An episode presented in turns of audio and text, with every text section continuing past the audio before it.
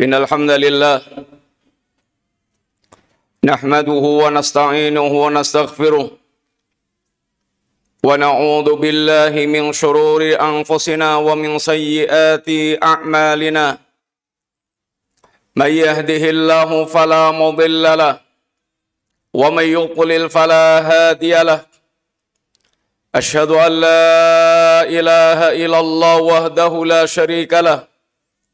وأشهد أن محمدا عبده ورسوله. لا نبي بعده. اللهم صل وسلم وبارك على نبيك المصطفى وعلى آله وصحبه ومن تبعهم بإحسان إلى يوم الدين. أوصيني وإياكم بتقوى الله.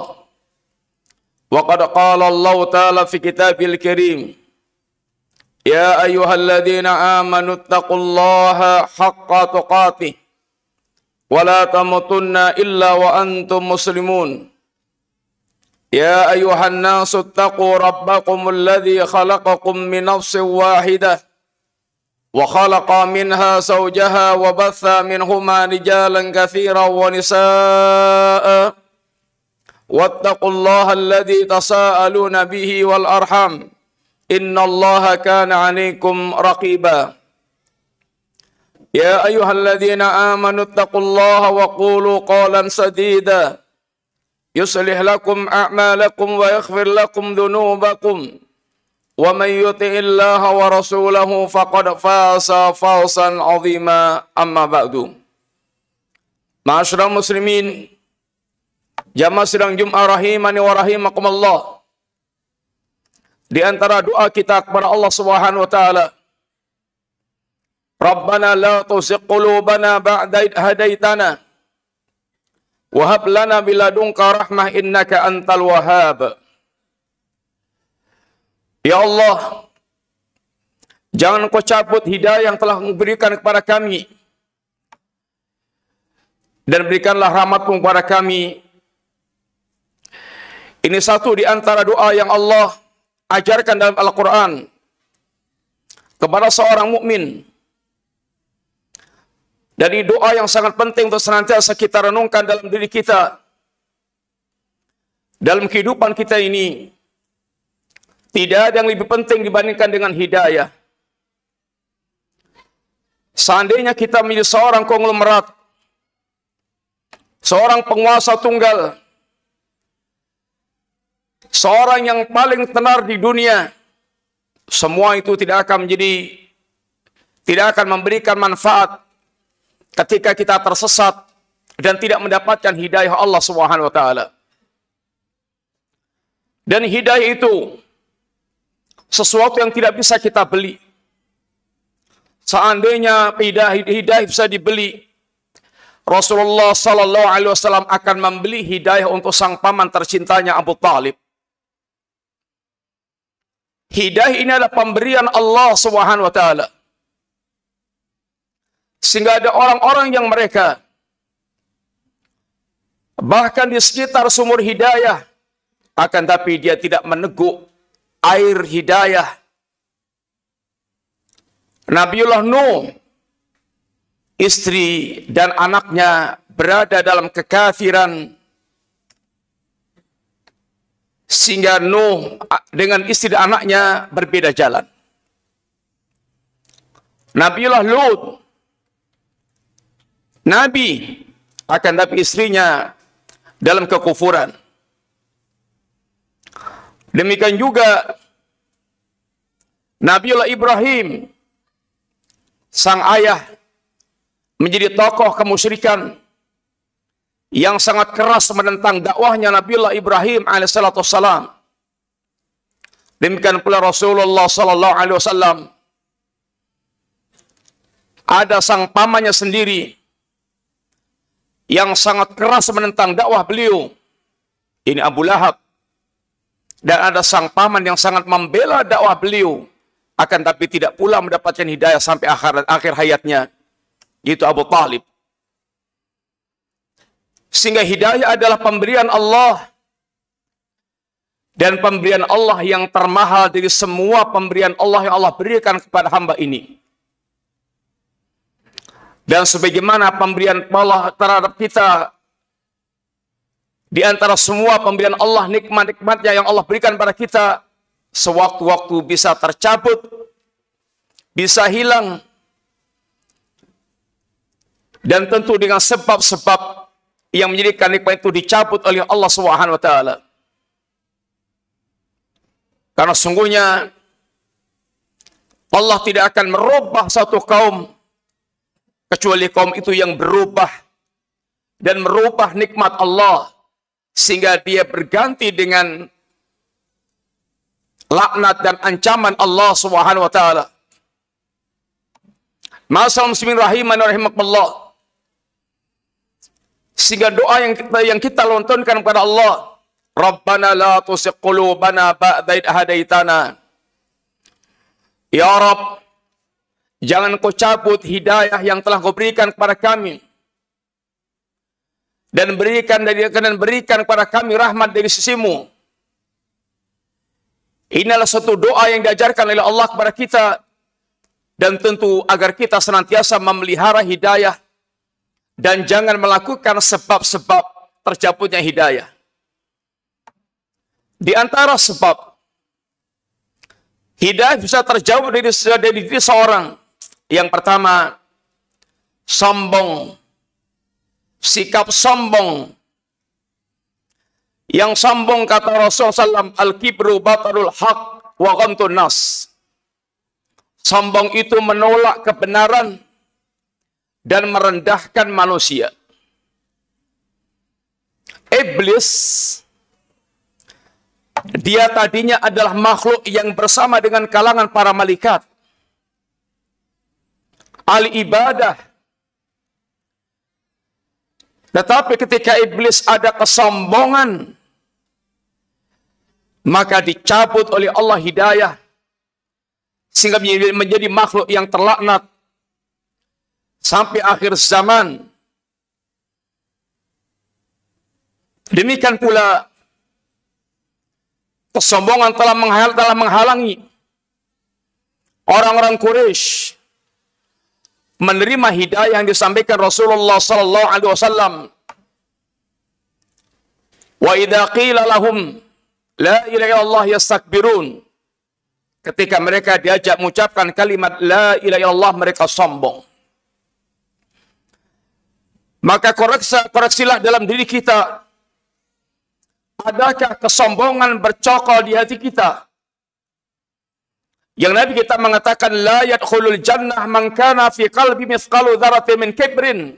Tidak akan masuk surga Orang yang mereka dalam hatinya ada kesombongan walaupun hanya sebesar biji sawi. Kesombongan yang menjadikan seorang terhalang masuk jannah.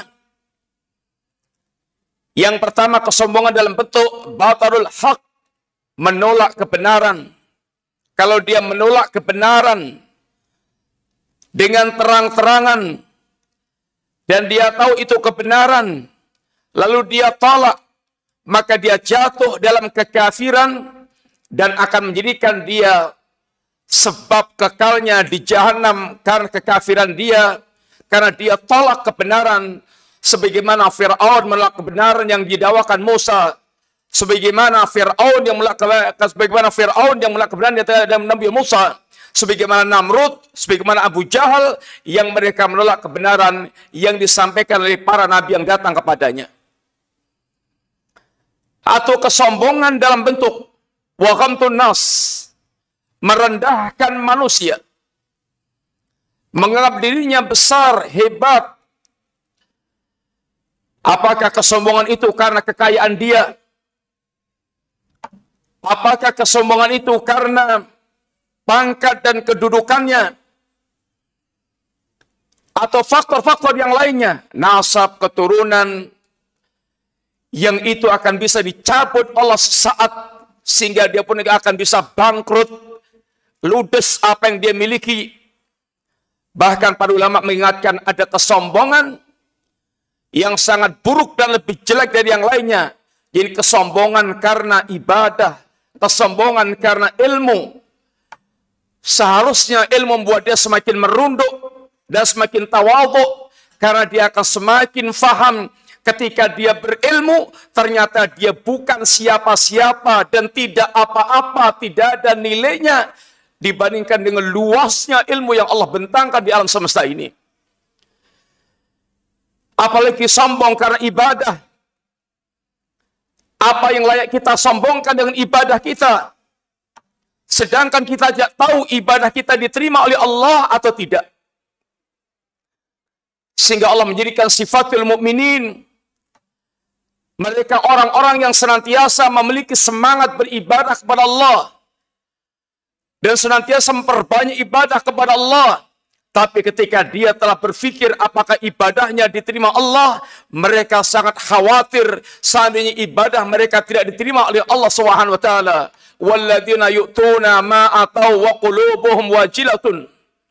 Mereka adalah orang yang telah mendatangkan berbagai macam ketaatan, telah memberikan berbagai macam pemberian, akan tapi mereka bersama itu semua ada kekhawatiran seandainya ibadah mereka tidak diterima oleh Allah taala. Bersihkan hati kita dari kesombongan dengan mengingat siapa kita, dari mana kita, sehingga kita akan sadar tentang diri kita. Yang kedua, di antara sebab hidayah tercabut dari kita adalah hubbu dunia, ambisinya, kecintaannya kepada dunia. Sehingga dia pun tulul amal, berpanjang angan tentang dunia. Cinta dunia itu kayak air bah.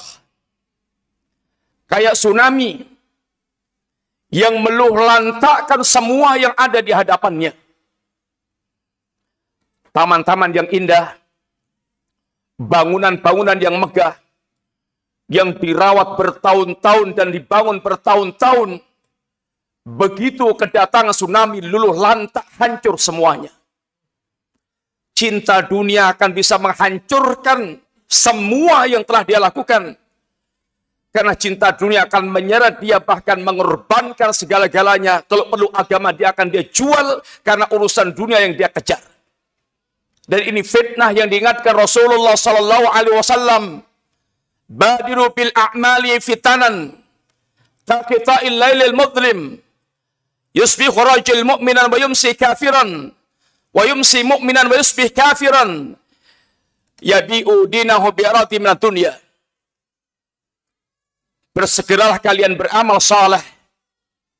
Akan datang fitnah yang dahsyatnya, gelapnya, lebih gelap dari potongan-potongan malam yang kelam.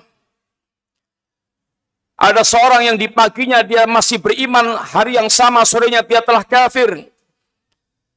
Orang yang hari yang sore harinya masih beriman, pagi harinya telah kafir.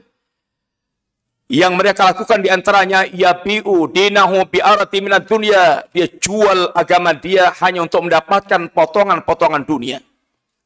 Berapa banyak di antara manusia yang mereka hancurkan agamanya. Dia jual agamanya. Dia rendahkan agamanya. Dia tidak peduli dengan agamanya hanya karena jabatan, hanya karena harta, hanya karena tawaran dunia, sehingga dia hancurkan agama dia, seakan-akan dia orang tidak punya agama dan tidak pernah tahu tentang agama, sehingga agama dijual murah hanya untuk mendapatkan potongan-potongan kehidupan dunia. Atau dia korbankan akhlak dan agama dia hanya untuk meraih tumpukan rupiah karena syahwat, tuntutan syahwat, Masalah Bismillahirrahmanirrahim. Fitnah dunia, fitnah sangat dahsyat. Tapi kenikmatannya hanya memberikan yang sangat singkat. Yang ketiga, di antara yang akan membuat tercaputnya hidayah dari diri kita adalah mereka suka mendewan-dewakan akal. Bahkan dikatakan Orang kalau hanya berpegang teguh dengan agamanya akan sesat kalau dia tidak menggunakan akalnya. Akal itu berjalan di belakang tuntunan agama. Semua yang ada tidak bisa dijangkau dengan akal manusia. Akal itu hanya akan hebat ketika bekerja pada tempatnya. Sebagaimana semua kita akan hebat kalau kita bekerja pada wilayah kita. Di luar kemampuan kita, kita akan hancur ketika kita memaksakan diri. Banyak perkara yang tidak bisa disentuh hanya dengan akal. Walaupun tidak ada agama yang bertentangan dengan akal. Tapi akal memiliki batas kemampuan. Allah ajarkan banyak hal yang akal mesti harus berjalan di belakang bimbingan Allah taala. Yang jelas Allah Al-Alim yang Allah bicara dengan ilmu bukan dengan kebodohan. Semua agama adalah hak dan pasti cocok dengan akal. Akan tapi tidak semua akal manusia bisa menjangkau apa yang diajarkan oleh Allah Subhanahu wa taala. Sehingga mesti akal tunduk berada di bawah bimbingan agama Allah Subhanahu wa taala. Yang keempat, di antara yang menjadikan hidayah kita tercabut adalah sikap-sikap hisbiyah, fanatik golongan, sehingga dia ukur standarkan agama kebenaran itu dengan golongannya Bahkan sebagian orang wal billah ketika telah fanatik dengan golongan, golongannya segala-galanya, bahkan golongannya ada agamanya, hanya golongannya akan masuk surga, yang lainnya tidak. Ini sudah sangat keterlaluan sikap golongan fanatik golongan yang tidak lagi menstandarkan dengan dalil Al-Quran dan sunnah Nabi-Nya Shallallahu Alaihi Wasallam. Sehingga datang jelasnya kayak apa kebenaran? Karena telah dibutakan dengan fanatik golongan dia tidak dia akan tolak tidak akan dia pedulikan. Aku lu qouli hadza wa astaghfirullahaladzim innahu huwal ghafurur rahim.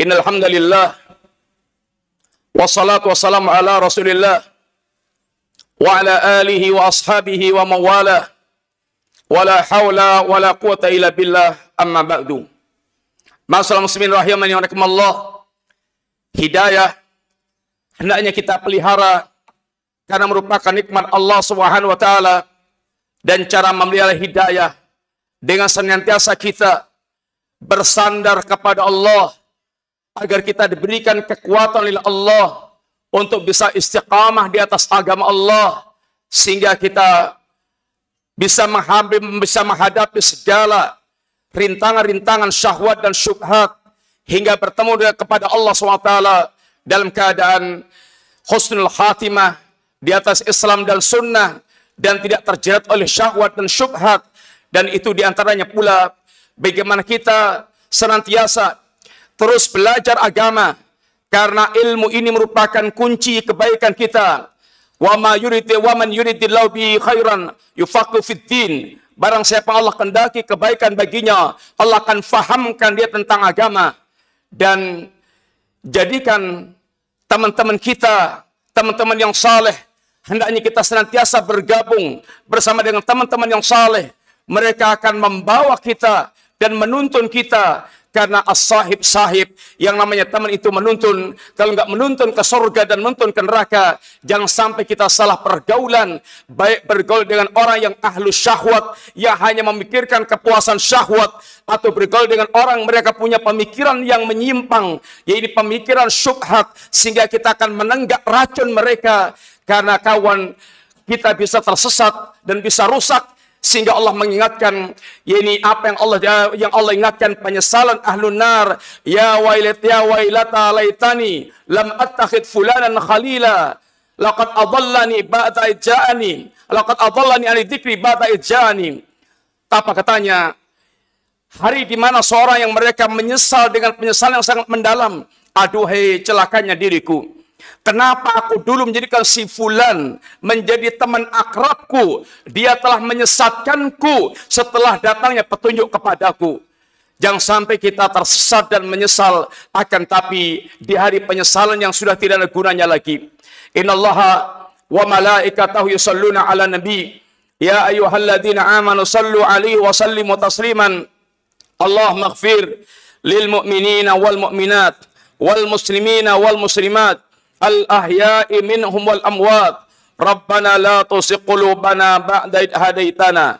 وهب لنا من لدنك رحمة إنك أنت الوهاب. ربنا اغفر لنا ولإخواننا الذين سبقونا بالإيمان. ولا تجعل في قلوبنا غلا للذين آمنوا. ربنا إنك رؤوف رحيم. اللهم أصلح لنا ديننا الذي هو عصمة أمرنا. اللهم أصلح لنا دنيانا التي فيها معاشنا اللهم أصلح لنا آخرتنا التي فيها معدونا وجعل الحياة زيادة لنا من كل خير وجعل الموت راحة لنا من كل شر ربنا آتنا في الدنيا حسنة وفي الآخرة حسنة وقنا عذاب النار وقنا عذاب النار والحمد لله رب العالمين أقيم الصلاة